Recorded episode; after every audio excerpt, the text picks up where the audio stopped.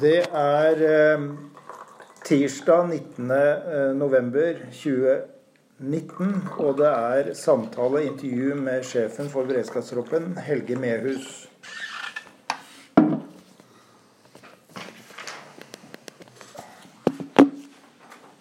Jeg kan begynne sånn. Jeg er Rune Glomstøt, førsteamanuensis i organisasjon og ledelse ved Politihøgskolen. Jeg skal i en rekke av samtaler med utvalgte ledere forsøke å lære mer om ledelse gjennom de erfaringer de ulike samtalepartnerne har hatt som ledere i ulike funksjoner over flere år. Samtalepartnerne i denne serien vil være ledere i ulike funksjoner i og utenfor politiet. Vi skal i dag som sagt snakke med Helge Mehus, som er leder for beredskapstroppen. Vi skal forsøke å finne svar på hva han har lært som leder gjennom denne samtalen. Hva har du lært, eh, Helge? Først og fremst, eh, først og fremst så har jeg vel lært at eh, at rom ikke ble bygd på én dag. Mm. Jeg har nok lært gjennom alle de årene jeg har vært leder, at tålmodighet er en dyd. Eh, at det tar relativt kort tid å bygge opp eh, fra null til et relativt godt nivå på en sånn avdeling. Men at det tar veldig lang tid å hente ut de siste prosentene. Okay. Eh, eh og jeg har også lært at eh, kanskje som, noe av det som jeg ikke tenkte veldig mye på før jeg ble leder, er vel at eh, ledelse egentlig i grunn handler om å sørge for at du nyttiggjør den eh, kompetansen som er rundt deg. Mm. Jeg hadde nok en forestilling når jeg ble leder, at, eh, og var nok prega av det de første årene, at, eh, at jeg i stor grad var forventa at jeg skulle hele tida vise vei. Ja. Og at jeg måtte til, til stadighet inn for å korrigere og fortelle hvor vi skulle gå, mm. istedenfor heller å sørge for å skape et klima hvor eh, ekspertene rundt meg eh, hjelper meg til å vise den veien hvor vi, hvor vi skal gå. Mm. Interessant. Vi tar det som det overordnede svaret ditt. Men, men, hvem er du egentlig? Eh, altså litt om bakgrunnen din. Ja, jeg er jo en, en vestlandsgutt, da. Jeg har, er født og oppvokst på ei lita bygd. En, en liten en liten fjordtarm mellom Bergen og Voss som heter Stanghelle og Dale. Mm. Eh, der vokste jeg opp og eh, flytta vel eh, første gangen fra bygda når jeg skulle gå på gymnas. Ja. da flytta jeg på hybel på Voss. Eh, for vi hadde jo ikke gymnas på, på, bygda mi. Eh, og der bodde jeg sammen med, med mor og far og, og, tre, og to brødre. To brødre. Hvor gammel er du nå? Jeg er 49. 49. Ja. Mm, flott alder. Ja, nettopp. Uh, du har familie? Ja. Jeg, har, uh, jeg, er gift og har uh, tre barn, to ja. hunder og en katt. Ja, hva slags hunder er du har? Det er fuglehunder. Settere. Ja vel. Interessant. Du var inne på gymnas. Hva slags skolegang og utdanning har du ved siden av Politiskolen? Ja, før jeg, Etter gymnaset så var jeg to år i militæret. Jeg gikk i befalsskole i, i Nord-Norge et år. Og så var jeg da et pliktår som sersjant. Mm. Eh, så søkte jeg meg inn i, inn i, inn i politiet. Mm. Eh, og jobbet to år ved Sentrum politistasjon i Oslo før jeg eh, søkte opptak på, på beredskapstroppen. Mm. Og har vært der siden. Ja. Når begynte du her? Jeg begynte på beredskapstroppen i mai 1995. Oi. Så jeg går opp mot 25 år nå. Oi, oi, meg. Det var imponerende. Hmm.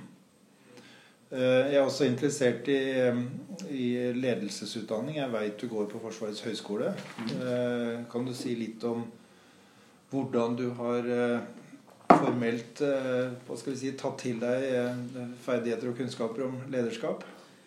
Ja, jeg har vært, jeg har vært veldig heldig. Fordi at jeg har hatt en leder, han som var leder her før, var veldig eh, opptatt av at man skulle få lov å utvikle seg hvis man ville.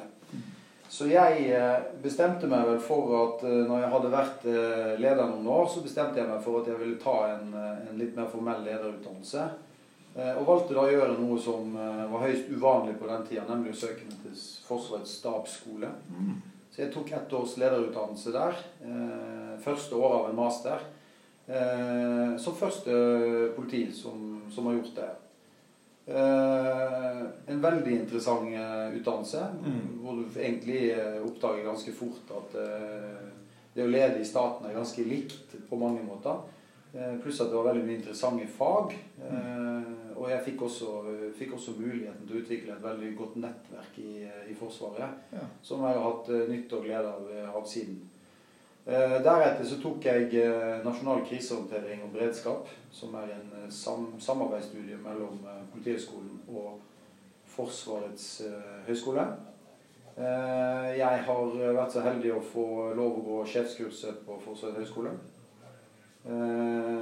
Og nå holder jeg på med en master i krisehåndtering som jeg tar på Forsvarets høgskole. Og så har jeg også en, en liten 15 studiepoengers operativ psykologistudie fra Universitetet i Bergen. Imponerende. Det er virkelig imponerende.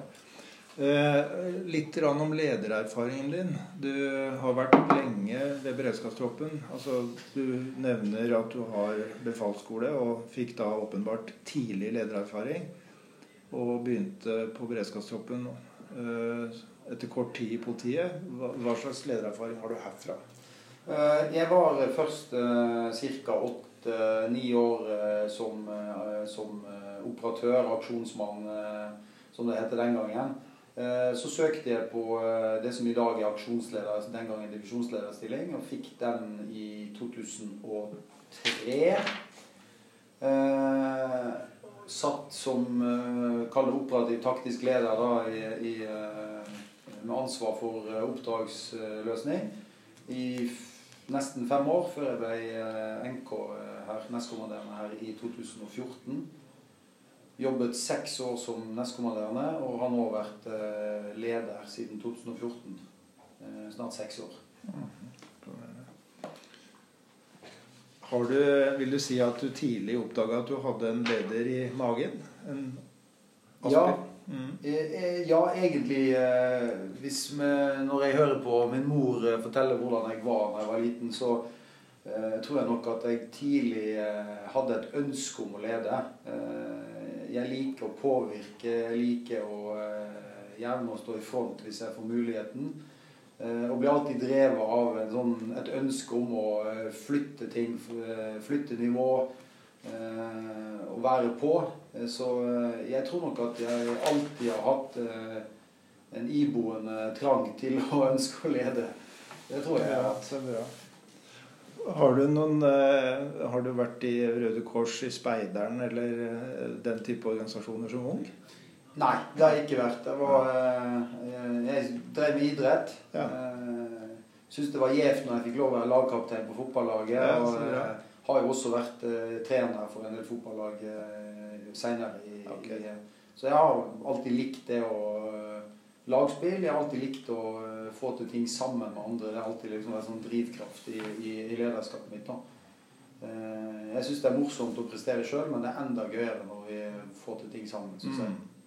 Kan du fortelle litt om beredskapstroppen? Hva slags uh, politienhet er det? Og litt om organisasjonen og ja. som du kan dele med oss? Ja, det kan jeg. Altså, eh, beredskapstroppen, altså det, Noe av det mest sentrale å vite om beredskapstroppen er at det er en, en bistandsressurs. Eh, det er faktisk ikke helt uvesentlig, fordi at beredskapstroppen er en ressurs som i aller høyeste grad ikke er til for seg sjøl. Mm. Vi skal alltid jobbe til støtte for eh, andre politidistriktene eh, eller særorganene. Og det tror jeg også er litt viktig å huske på i forhold til hvordan vi, vi tenker på, på, når vi organiserer tjenesten. Vi er jo en, vi er en innsatsstyrke. Eh, oppdraget vårt er kontraterror og alvorlig kriminalitet. Eh, og vi skal på en måte bygge innsatsevne som andre skal kunne eh, dra nytte av eh, på anmodning. Eh, sånn at dette med, dette med, samspill og samarbeid er jo eh, ganske viktig. fordi at det vil alltid være et politidistrikt som ber oss om hjelp. Mm. Eh, det vil alltid være det politidistriktet som leder den store operasjonen. Så vi skal egentlig alltid være en, en, en bistand og støtteenhet for de da. Mm. Uh, vi, uh, hvis jeg skal si noe om hvem vi er som på miljøsida, så er vi jo, minner vi nok veldig om et toppidrettsmiljø. Mm. vi ser veldig klare indikatorer på prestasjonsmiljøet. Eh, vi har folk som er veldig sultne på utvikling. Eh, som selvfølgelig også må styres. Mm. Eh, vi har et miljø som har et sterkt fokus på oppgave. Et veldig sånn oppgavefokus. Vi skal løse oppdrag. Det, er liksom, det ligger liksom litt sånn iboende i oss. Og så har vi også et miljø som stiller veldig høye krav. Både til egen prestasjon, men også til omgivelsene. Så vi er på mange måter et krevende miljø å håndtere. Fordi at vi, eh, vi legger så mye vekt på utvikling og, eh, og prestasjoner. Eh, ja.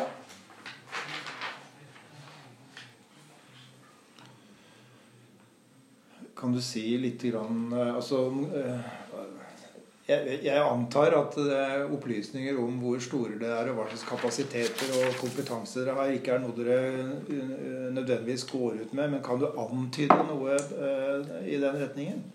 Ja, det, det som jeg kan si, er jo at vi er, et, eh, vi er, vi er godt over 100 ansatte. Eh, og det som Vi har vokst uh, veldig de siste årene. Eh, av den enkle grunn at vi, eh, vi opplevde 22. juli. Og det ble beslutta at beredskapstroppen skulle øke med 60 Mm. Eh, Så vi har vært, eh, vi har vært veldig privilegerte. Eh, Jeg mener at vi er en av de enhetene som virkelig har fått lov til å jobbe med å lukke de gapene som, som var etter 22. juli. Eh, Og vi har eh, i politisammenheng vært, eh, vært privilegerte de siste årene. Så vi har vokst, eh, vi har endret organisering, og vi har eh, på en måte fått lov å utvikle oss i tråd med de, med de kravene som kom etter 22. Hvis jeg skulle utfordre deg på eh, å sammenligne beredskapstroppen med tilsvarende eh, enheter, f.eks. dansk, svensk, finsk, eventuelt tysk, nederlandsk politi, hvordan, eh, hvor er vi i landskapet med hensyn til kompetanse og, og kapasitet? Eh, Jeg vil si den, jeg vil si at den nordiske modellen vi har, vi har, eh, Den nordiske modellen, den, det som skiller, ikke skiller, men det som veldig, har et veldig sterkt fokus i de nordiske landene, det er seleksjon. Personellet eh, blir veldig eh, høyt eh, prioritert i forhold til når vi skal bygge innsatsevnen vår. Eh, så på seleksjon- og utdanningssida eh, så mener jeg at den nordiske modellen er, er ekstremt bra. Mm. Jeg har jo sagt tidligere også at den eneste faktoren som beredskapstroppen har hatt full kontroll på gjennom alle de over 40 år vi har eksistert, det er på en måte personellet. Det har vært litt ulike tider med litt ulikt fokus, det har vært litt ulike budsjettsituasjoner. Men det vi aldri har uh, tukla med, det er seleksjonsprosessen. Uh, og den norske modellen er veldig bra, fordi at uh, vi henter folk som allerede har en veldig høy etisk og verdimessig og faglig standard gjennom POS. Ja. Så den, eh, den eh, seleksjonen vi gjør ved at vi henter folk fra politiet, som har gått den, den eh, generalistutdannelsen på Politihøgskolen, den gjør at vi nesten bare har gode kandidater inne. Mm. Og av de så får vi lov, lov da å velge de, de aller, aller beste i, i forhold til vårt fagfelt. da Mm. eh, som passer i vår profil, og det gjør at, at, at de, som, de som starter her, har veldig høy kompetanse. Mm. Både sosiale ferdigheter, verdimessig og, og eh, også kunnskaper. Mm. Sånn at på personellsida så tror jeg at vi er helt i, i toppen. Mm. Eh, og det gjør seg også utslag i at det er veldig høy, høy kvalitet, faglig kvaliteten er veldig høy på, på de ansatte på beredskapstroppen. Der vi ser de, kanskje de største forskjellene, er vel at noen enheter i Europa eh, satser mer på kvantitet. De er store. Mm. Eh, de har kanskje mer ressurser, de har kanskje mer eh, materiell og utstyr eh, enn det vi har. Men, men, eh, men, eh, men vi har valgt å satse på eh, ikke så stort, eh, men kall det eksklusivt. da. Veldig, eh, veldig fokus på personellet. Mm. Hva, eh, hvis, går det an å stille spørsmål om hvordan ser en typisk eh, medarbeider eh, ved beredskapstroppen ut? Altså eh, alder, bakgrunn bakgrunn Han er eh, Nå har ikke jeg, har ikke jeg sånn helt eh, oppdatert eh, tall på, på gjennomsnittsalder, men la oss si at han er rundt 35. da. Ja. Han er gift. ja. Han har barn. Mm. Han har den vanlige tidsklemma som alle andre har i, i, i den fasen. Eh, han er sosialt engasjert utafor jobben. Mm. Eh, og han har, eh, han har på en måte en sånn eh, relativt sånn A4-liv ut på utsida av, av enheten. Veldig få hos oss som er single. Mm. Eh, stort sett alle er i, i parforhold og har, og har lever et helt normalt liv på utsida av, av, av jobben. Eh, de er eh, Jeg fikk et spørsmål en gang før om hva, hvilken, hvilke kjennetegn var det mest karakteristiske kjennetegnet med en operatør på beredskapstroppen. Jeg syns det var vanskelig å svare på. Men det jeg kanskje tenker, er at eh, er en eh, nysgjerrighet eh, og litt bekymringsløs. Mm. En som ikke er veldig opptatt av eh, om ikke alt eh, passer innafor eh, A4-en hele tida. Han tar ting litt så det kommer, ser litt lett på livet, bekymrer seg ikke i unødighet. Ja, En litt sånn lett levemåte, tenker jeg. Ja. Hvis jeg skal prøve å beskrive en sånn typisk operatør. da. ja. Hvor lenge er de på å si, operatører ved beredskapstroppen? Ja, nå er det jo lenge, da. Jeg husker når jeg begynte, så var, jo, eh, så var det jo veldig få operatører hos oss som var i slutten av 30-årene og begynnelsen av 40-årene. Mm. Nå har vi et aldersspenn fra eh, 25 eh, til eh, godt over 40 Ja. som operative. Ja. Eh, Sånn at eh, når jeg begynte, så var vel kanskje en snittid eh, et sted mellom 3 og 7 år. 3 og 8 år kanskje. Så var det noen få som var lenge. Mm. Nå ser vi at de aller fleste står igjen i 10-15 år Mm. før de, eh, før de eh, slutter. Og noen enda lenger. Hvis eh, vi skal gå over til din lederjobb, kan du gi en beskrivelse av den? Ja, jeg er jo en, eh, er jo en seksjonsleder i Oslo. Jeg er en nivå tre-leder. Jeg eh, jeg har min egen ledergruppe og er en del av en annen ledergruppe på akkurat samme måten som, som alle andre. Eh, hovedansvaret i forhold til funksjonen som leder i beredskapstroppen er jo at jeg skal sørge for å, å opprettholde den innsatsevnen som, eh, som politiets beredskapssystem sier at jeg skal.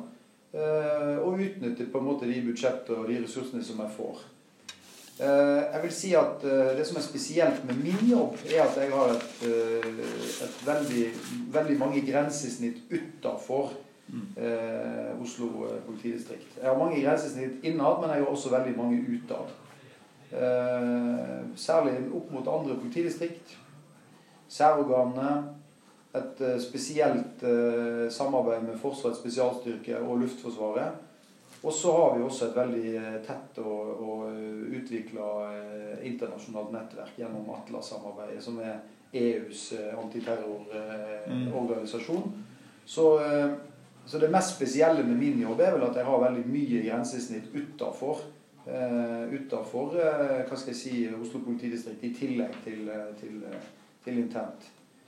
Eh, I det daglige så er jo eh, det jeg skal sørge for, er jo at vi har den beredskapen som er bestemt. Jeg skal gjennomføre den utdanningen som vi er pålagt. Og jeg skal sørge for at vi anskaffer det materiellet som vi trenger for oppgaveløsningen. Så, så det er sånn, veldig sånn enkelt hva jeg eh, Ja. har ansvaret for. Mm. Du har, som vi har vært inne på, lang ledererfaring på ulike nivåer. Hvis vi går inn på ledelse, som er et veldig omfattende og eh, mangehodet troll, hva, hva er din forståelse av lederskap, hvis du skal prøve å gripe eller begripe det begrepet? Ja, det var litt som jeg sa innledningsvis. Jeg føler at det, at det begrepet har på en måte endra litt innhold eh, for meg underveis. eh, Etter hvert som tida har gått. Eh, Men du kan si at eh, hvis- hvis man leser definisjonene, så er det jo en prosess ikke sant? der lederen skal på en måte sørge for å utnytte de ressursene til å oppnå bestemte mål. Mm. Og det er jo jeg enig i. Det er jo i grunnen det det handler om. Mm. Men, eh, men eh, jeg tenker vel at eh, for meg så er ledelse å skape et miljø Mm. eh, hvor eh, kompetanse og ressurser blir utnytta. For det er vel for Det er fort gjort å ikke klare det. Eh, Jeg er vel av den oppfatning at ledelse i utgangspunktet har jo ikke noe verdi. Eh, Det har det jo selvfølgelig, men, men, eh, men ledelse er nødvendig. Mm. Men effektiviteten måles jo i de oppdragene vi løser. Mm. og da må jo er ledelse for meg Det er på en måte de, Det er hvordan vi legger opp prosessene for at vi skal kunne prestere. Så da er resultater og effekter av resultater på omverdenen det er også et, en side av det som du ser? Ja. Og jeg tenker det er kanskje det viktigste, og det er kanskje der jeg har endra mest eh, mitt syn på ledelse. Da hvor mm. jeg nok når jeg starta som leder, men, kanskje følte at fokuset skulle være på meg. Altså, ja. Nå er det jeg som er leder. Hvordan skal jeg være som leder? Mm. Mens nå føler jeg mer at ledelse blir mer på en måte en prosess hvor jeg ser hva er det jeg må gjøre for at vi skal komme oss mm. hva, hva, skal mitt bidrag være? Ja, da ser du ledelse mer som et samspill? Ja. ja. ja. Jeg tror det. Ja. Um, Hva vil du si er utfordrende, spesielt utfordrende ved å være leder her ved beredskapstroppen? Uh, jeg tenker vel at uh, det er et veldig krevende miljø. Det er et veldig godt miljø å være i, men det er et veldig krevende miljø. Uh, de er bedre enn meg på de aller fleste enkeltområdene. Det betyr at jeg må hele tida være på høyden. Jeg må i, argumentasjonen min og i diskusjonene mine så må jeg være forberedt på at jeg møter motstand. Mm. Og jeg møter kvalifisert god motstand. Mm. Og det betyr med andre ord at du, må, at du må være på høyden når du går inn i diskusjoner, fordi at det er så høy kompetanse her. Det andre er vel at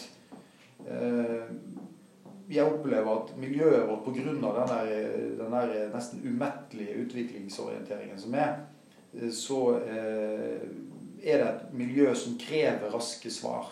Altså Det er veldig lite sånn rom for at uh, hvis prosesser blir sett på som forsinkelser, mm. så blir det ofte støy. Ja. Uh, så det å klare på en måte å balansere dette behovet for utvikling med en form for ro da, mm. uh, i en sånn utålmodig gruppe, det, det, opplever jeg som krevende. Mm. et annet moment er jo det å alltid være i beredskap er jo i seg selv krevende. Dette mm. med å alltid være tilgjengelig på telefon. Og så syns jeg også det er ganske krevende å stå i det trusselbildet vi ser konturene av nå. Mm. Alt skjer mye hurtigere enn før. Mm. Ingen reaksjonstid. Man går ifra, ifra eh, hva skal jeg si, ingen oppdrag til et, kanskje et veldig krevende oppdrag veldig raskt. Mm. Altså dette tempoet som er i, i ute i samfunnet nå, syns jeg også er krevende å stå i som leder. Mm. Men hva opplever du da som mest interessant og utviklende ved den lederjobben du har? Ja, Det er jo paradokset, for det er jo stort sett det samme som forrige svar. Ja. Uh, det som pirrer meg og motiverer meg, er jo egentlig akkurat det samme som det jeg syns krever meg. Det er jo, uh, det er jo um, dynamikken, nerver, eh, at det alltid skjer noe her. Eh, at det stilles krav til deg som leder. Eh, det syns jeg også er det som gjør at jeg, jeg trives aller best. I tillegg så må jeg jo si at når jeg har vært her en stund da, og, så, og klarer å skape i alle fall litt avstand til, til, det, til det, nære operative som, som, du må som leder, så er det utrolig eh, givende å se nye mannskaper gå fra, fra seleksjon til ekspert. Altså mm. Se der syklusen vi har hos oss ved at eh, vi henter inn nye uh, unge med, med spirit. Mm. Eh, og så ser du den utviklinga som går eh, fra de er nye og ferske og, og litt famlende, mm. til å bli eh, veldig, veldig gode innenfor det fagområdet. Det syns jeg er givende som, som leder. Mm, da er vi også inne på hva som er driverne dine, som det er så populært å snakke om eh, i våre dager. Altså Hva er det som motiverer deg sterkest? Eller hva er de viktigste motivasjonsfaktorene dine som leder?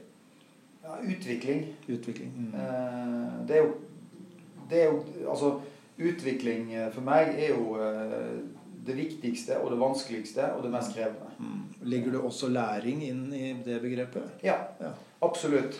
Eh, absolutt. Fordi at, eh, fordi at ut, Altså eh, læring Altså det jeg starta med å si med at Rom ikke ble bygd på en dag, den der, eh, den der utviklingsorienteringa som, som, enheten har, er også problematisk. Den har en sånn slagside eh, mot å ikke akseptere ramme. dette her med at motivasjonen brister hvis man på en måte ikke føler at man får nå eh, de akutte, nærliggende målene. Mm. Det å drive og balansere der når du i tillegg er litt sånn sjøl, Ja. det, det lærer du mye av gjennom, eh, eh, gjennom, gjennom de årene som du får lov å være leder. da. Ja, det, altså det med utvikling og læring er jo spesielt interessant, syns jeg. Det, det er jo et par teoretikere som sier at de beste eh, lederne er de som er best til å lære. Eh, nå, skal det ikke, nå er det hovedsakelig fokus på deg og ditt lederskap her i dag. Men jeg tenker på utvikling. Da tenker vel du både på utvikling i beredskapstroppen som helhet og i de ulike teamene og for de enkelte menneskene, og sikkert også for deg selv. Ja. Eh, eh, ja, og så hvis, hvis man tar fatt i lederskapsdelen, da, så vil jeg si at, eh, at det vi har hatt veldig fokus på de siste, siste årene, er jo lederskap som fag. Ja. Eh, altså Det er veldig stor forskjell på å lede men, og det å drive lederskap. Mm. Fordi at ledelse er på en måte de synlige effektene av lederskapet. Ja. Eh, de siste årene nå så har vi satt veldig fokus på lederskapsdelen. Eh, med tanke på å eh, altså, ha en mye mer sånn bevisst forhold til hvordan leder vi, hvordan ønsker vi å lede. Eh, og det gjør jo at du lærer ganske mye. Fordi at da må du gå inn i, du må gå inn i teori og du må gå inn i praksis. Og, da, og det, det gjør jo at du setter deg i en sånn situasjon hvor du, hvor du i større grad reflekterer over ledelsen din. Mm. Eh, og der tror jeg jo noe av eh, altså, Hvordan blir andre påvirka av din væremåte? Ja. Eh, og de gangene jeg har holdt lederskapsundervisning for andre, så sier jeg at eh, bare ved å begynne å ha fokus på lederskap, så vil du sannsynligvis forbedre lederskapet ditt ganske mye i starten. Eh, det er veldig kort vei mellom eh, ingenting og ganske mye. Mm. Eh, men da møter du også en del paradoks på veien, du, eh, og da må du på en måte også være villig til å reflektere litt over ditt eget lederskap. Ja. Eh, og der ligger det mye utvikling, føler jeg. Ok. Eh, og det syns jeg at vi som gruppe har vært flinke til de siste årene. Mm. Og da har vi på en måte også flytta eh, terskelen for eh, Vi har flytta terskelen for eh, hva, hva kan vi diskutere i en gruppe? Eh, litt mindre berøringsangst. Vi er litt Mm. flinkere til å ta opp eh, krevende temaer. Mm. Vi er litt flinkere til å anerkjenne andres syn. Eh, fordi at vi også har lagt vekt på teorien bak det. Ja. Eh, så vi har, jeg tror vi har fått et litt bedre begrepsapparat som gjør at vi i større grad kan diskutere lederskap. Mm. Ja, Det er viktig å ha et, etablere et felles språk for, for eh, lederskap. Ja. Men har dere utvikla noen retningslinjer for, eh, eller en form for grunnmur for hvordan lederskap skal tenkes og praktiseres ved beredskapstroppen? Ja, eh, vi gjorde det, og eh, vi gjorde det for noen år siden, et par-tre år siden. Så, og det var jo igjen ledergruppa som oppfordra meg til at vi skulle se, se på en lederfilosofi. Mm. Vi klarte ikke vi klarte ikke å komme fram til et dokument. Eh, Vi syns det ble litt sånn, eller jeg syns det ble litt sånn kunstig for meg også å sette meg ned og skrive ned en sånn, Mm. et sånn tosiders, tresiders lederfilosofi. Men vi lagde et, et lederkonsept eh, som eh, prøvde å identifisere hvordan leder vi, Mm. eh, og hva er den gode delen av lederskapet vårt. Og da det kommer fram til tre pilarer, eller tre akser vi skal lede på. Det er verdibasert, situasjonsbestemt og intensjonsbasert. Mm. Kan du utdype litt? Grann? Ja, eh, vi fant ut at eh, det verdibaserte lederskapet det er på en måte absoluttene. Det er, det er inngangsbilletten, det er den sosiale kontrakten du inngår når du begynner her. Og det er også en sosial kontrakt som du er nødt til å opprettholde hvis du blir leder. Altså det er liksom, Hva er det du kan tillate deg å gjøre eh, som leder og ansatt egentlig på BT? Mm. Eh, det er på en måte den absolutten eh, som eh, det ikke skal tukles med på noen som helst slags måte. Eh, Det situasjonsbestemte handler egentlig om, eh, om eh, Det er jo ganske likt situasjonsbestemt ledelse i, i alle sammenhenger. At du leder på bakgrunn av kontekst og ståsted for den du leder. Eh, Og det er jo viktig for oss i forhold til at vi får en nyselektert med gjerne høye, gode ferdigheter med lavt erfaringsnivå. Mm. Og ledes på en måte. Og så er på en måte målet vårt å lede fram til et mer eller mindre selvgående team. da Mm. eh, som skal trenge lite ledelse for å kunne fungere. Mm. Eh, og så er det den siste pilaren som vi har vært veldig opptatt av de siste årene. Det er dette med intensjonsbasert ledelse. At vi, vi tror at eh, at arbeidsmiljøet og motivasjon over tid eh, avhenger av at eh, at eh, lederen ikke skal detaljstyre eh, alle prosessene. Eh, vi legger mye vekt på, på, på å delegere en stor grad av ansvar ned i ulike funksjoner. For vi tror at eh, kompetansen der er god nok til å gjøre det, og vi tror at, eh, at eh, motivasjonen holder seg veldig over tid Mm. ved å lede på den måten. Veldig, veldig interessant. Har du en, en form for privat ledelsesfilosofi? Ja, altså Jeg føler jo at, jeg føler jo at veldig mange av, av mine verdier på en måte kommer fram gjennom det, den lederfilosofien vi har. Ja. Men jeg, men jeg tenker at jeg tror jeg har fått et mer, litt mer pragmatisk forhold til ledelse enn jeg hadde før. Mm. Eh, For jeg tror at eh, når du begynner et sted eh, Det første du må gjøre for å kunne påvirke på god ledelse, er å identifisere hvilken type ledelse er det behov for nå. Mm. For det kan gå, både gå på kontekst. Eh, situasjoner er vi i? Skal vi endre oss? Skal vi utvikle oss? Skal vi bare vedlikeholde? Og den andre delen av det er at du må også se på kulturen som er der. Mm. Eh, Så jeg tror nok jeg er litt mer pragmatisk til ordet ledelse enn jeg var før. Men jeg tror jo veldig på denne altså det, må være en, det må være en kjerne som er hele. Det må være noen verdier som er der. Det som jeg sier til, til mine, den viktigste måten å opprettholde hva skal jeg si, ledelse på, er, er jo det enkle at når, når omgivelsene forventer en reaksjon, så må han komme. Ja. Eh, Der er jeg nok litt sånn eh, der, Det er jeg veldig på. Mm. At lederne mine skal reagere når det forventes en reaksjon. Mm. Det skal være en forutsigbarhet i lederskapet. Eh, Det tror jeg kanskje er den Kanskje er det viktigste for meg. Og bare eh, litt eh, kort inn på det med lederroller. Det er jo altså et, en av de begrepene som det er så moderne å, å, å snakke om. Og det går jo an å tenke seg roller som eh, personalleder, som faglig leder, som utviklingsleder, strategisk leder. Eh, hvor er du i landskapet der? Hva, hva, hvilke roller bekler du, eller legger du mest vekt på som leder? Det, altså, eh, De tilbakemeldingene jeg får, er egentlig, det er jo egentlig litt uinteressant. Og jeg mener det viktigste er jo hva folk mener om meg. da, Mm. Egentlig, Det er jo gjerne sånn du er. Sånn som du blir oppfatta. Jeg tror nok at folk oppfatter meg som en strategisk leder. Ja. Eh, en som forsøker å se litt lengre fram enn en, eh, nesetippen. Ja. En som eh, prøver å, prøver å bygge fremover med et visst eh, med, et visst, eh, med en viss horisont.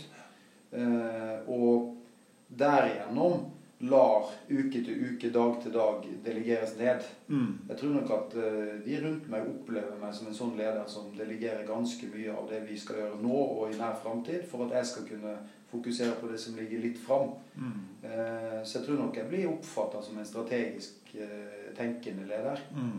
Eh, Det tror jeg. Samtidig så er det åpenbart da, med den erfaringen du har og bakgrunnen at du har en fot i faget, som jeg pleier å si. Absolutt. Eh, Og jeg er jo litt sånn Jeg vet at det er jo ikke alle som er enig med meg i det, men jeg, jeg tenker nok at eh, å koble fag fra ledelse eh, Det kan hende det går i enkelte posisjoner, men det ville være utenkelig hos oss. Mm. For hvis, hvis mine ansatte skal kunne spare med meg, så må jeg ha en form for faglig eh, kompetanse og integritet som gjør at jeg kan spare. Mm. Eh, Så jeg tror at eh, en viss form for fagkunnskap om, om, eh, om, eh, om eh, innenfor jobben Mm. eh, i alle fall er en stor fordel hvis du skal lykkes som leder. Mm. Eh, Så det er klart det. Eh, Så jeg tror nok at eh, Men, men noe, av, eh, noe av, eh, av, det, av det vanskeligste med å være leder her er jo at du gjerne At jeg ofte må ta meg i at jeg må holde meg unna diskusjoner fordi at jeg vet at i det øyeblikket jeg deltar i en diskusjon, eh, så vil jeg hindre en del andre prosesser Mm. i, å, i å oppstå. Mm. Så du må på en måte velge litt tid og sted for når man skal gå inn i de, eh, i de fagdiskusjonene med, med, med andre ansatte. da. Jeg har i det siste brukt eh, metaforene eh, balkongen og dansegulvet. Eh, Ja. Balkongen for å illustrere det strategiske lederskapet, det overordnede, å kunne se lenger. Og, og dansegulvet, for, eh, som også blir brukt, the fog of war. Altså du er nede i faget og tett på medarbeideren. Ja. Det å så klare å veksle mellom begge de to perspektivene, og samtidig vite når du skal være på hver av de stedene, det er noe du har stor bevissthet på, skjønner jeg. Ja, jeg har det, og, eh, og så bommer man innimellom. Det gjør man hele tida. Men, eh, men det er ikke så farlig så lenge du er litt bevisst når du gjør hva, og hva det Mm. fører til. Det var jo litt det jeg sa med med å være litt bevisst på lederrollen din. Eh, Det tror jeg kanskje man lærer litt underveis. Eh, og så blir man litt mindre eh, hva skal jeg si, man blir, eh, man blir litt mindre opptatt av å være, av, å være genial hele tida. Mm. Altså man erkjenner mer at man, man gjør feil. Men det viktigste er jo å være bevisst eh, når man gjør det, Mm. eh, og lære av det. Vi nærmer oss en avslutning eller en avrunding. Jeg uh, syns det er veldig spennende å høre eh, også hvordan du balanserer jobb og fritid, og hvordan du eh, sørger for at du får eh, hva skal vi si, krefter inn, eller eh, påfyll. Eh, ja, jeg fikk jo en eh, Det første jeg gjorde når jeg ble leder av beredskapstroppen, var jo egentlig å ta på meg et trenerverv eh, ved siden av. Eh, der jeg fikk noen spørsmål om eh, hvorfor orker du det. Men jeg tenker at det er litt det som er greia. At hvis du, For jeg kunne nok ha jobba 24 timer i døgnet, i hvert fall mentalt, med jobben min her. Mm. Men jeg tror det er viktig å ha noen arenaer utafor eh, som krever noe annet av deg. Så jeg valgte å ta eh, min sønns fotballag og hadde de i seks år. Eh, rett før eh, Jeg tok over rett før jeg ble leder her. Men jeg tror det er viktig å ha noen andre arenaer som krever eh, faktisk fokus. Eh, for jeg Det er i hvert fall måten jeg samler krefter på. Det å kunne selv om du har mobiltelefonen på og er klar, så kan du på en måte ikke bare slå av, men du skal faktisk også eh, ha fokus på noe annet. Eh, Det er sånn jeg gjør det.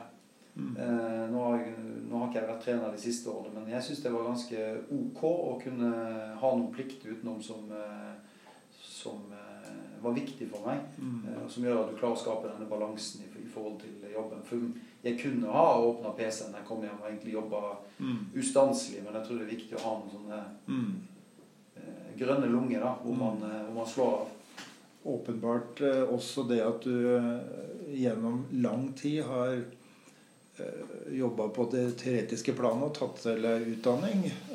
Det høres interessant ut. Du har familie, barn, og du har hunder. Så, så det er mange arenaer ved siden av den profesjonelle arenaen som du henter krefter på. Ja, absolutt. Fysisk trening. Ja. Eh, det gir seg litt sjøl når du har to engelske setter, holdt på å si, så må du mye ut. Eh, og jeg bruker jo det litt bevisst at når de må ut, så kan du ta på meg joggesko og løpe med en tur. Ja. Så jeg syns det er helt fint. Hva vil du med ditt lederskap, hvis du skulle ha et så vidløftig spørsmål? Ja, men hva vil jeg? Eh, Jeg tror nok at jeg vil alltid, uansett hvor jeg er så vil jeg alltid forsøke å påvirke. Jeg vil alltid se noe som eh, jeg har et ønske om at man skal oppnå. Eh, Så det er jo først og fremst et ønske om å eh, flytte et nivå. Og være med og stå i front for det. Så det å, det å prestere resultat er viktig for meg. Det er det vel ikke noe tvil om. Og det driver meg egentlig uansett hva jeg holder på med. Hvis jeg først engasjerer meg i noe, så har jeg et ønske om at vi skal oppnå noe. Eh, At man skal kunne kvittere det ut og sier at 'dette klarte vi'. Eh, Vi er der nå, og så blir det et nytt mål som man, må setter seg. Hvis vi helt til slutt skulle ta eh, åpningsspørsmålet, eh, og du sammenfatter, hva har du lært eh, som leder? Hva er det viktigste du har lært som leder? Ja, så eh, tålmodighet. Eh, ikke gi seg. Eh, at kompetansen rundt deg eh, er der for å hjelpe deg. Eh, og bruker du den, så får du ekstremt mye gratis. Eh, og at eh, eh Jeg har lært òg at, eh, at, Å ha en litt mer pragmatisk tilnærming til, eh, til lederskap. Med litt mindre fokus på deg som person, og mer fokus på hva det er du skal oppnå gjennom lederskapet. Da sier jeg tusen takk til deg, Helge Mehus, eh, sjef beredskapstroppen, for en veldig interessant samtale.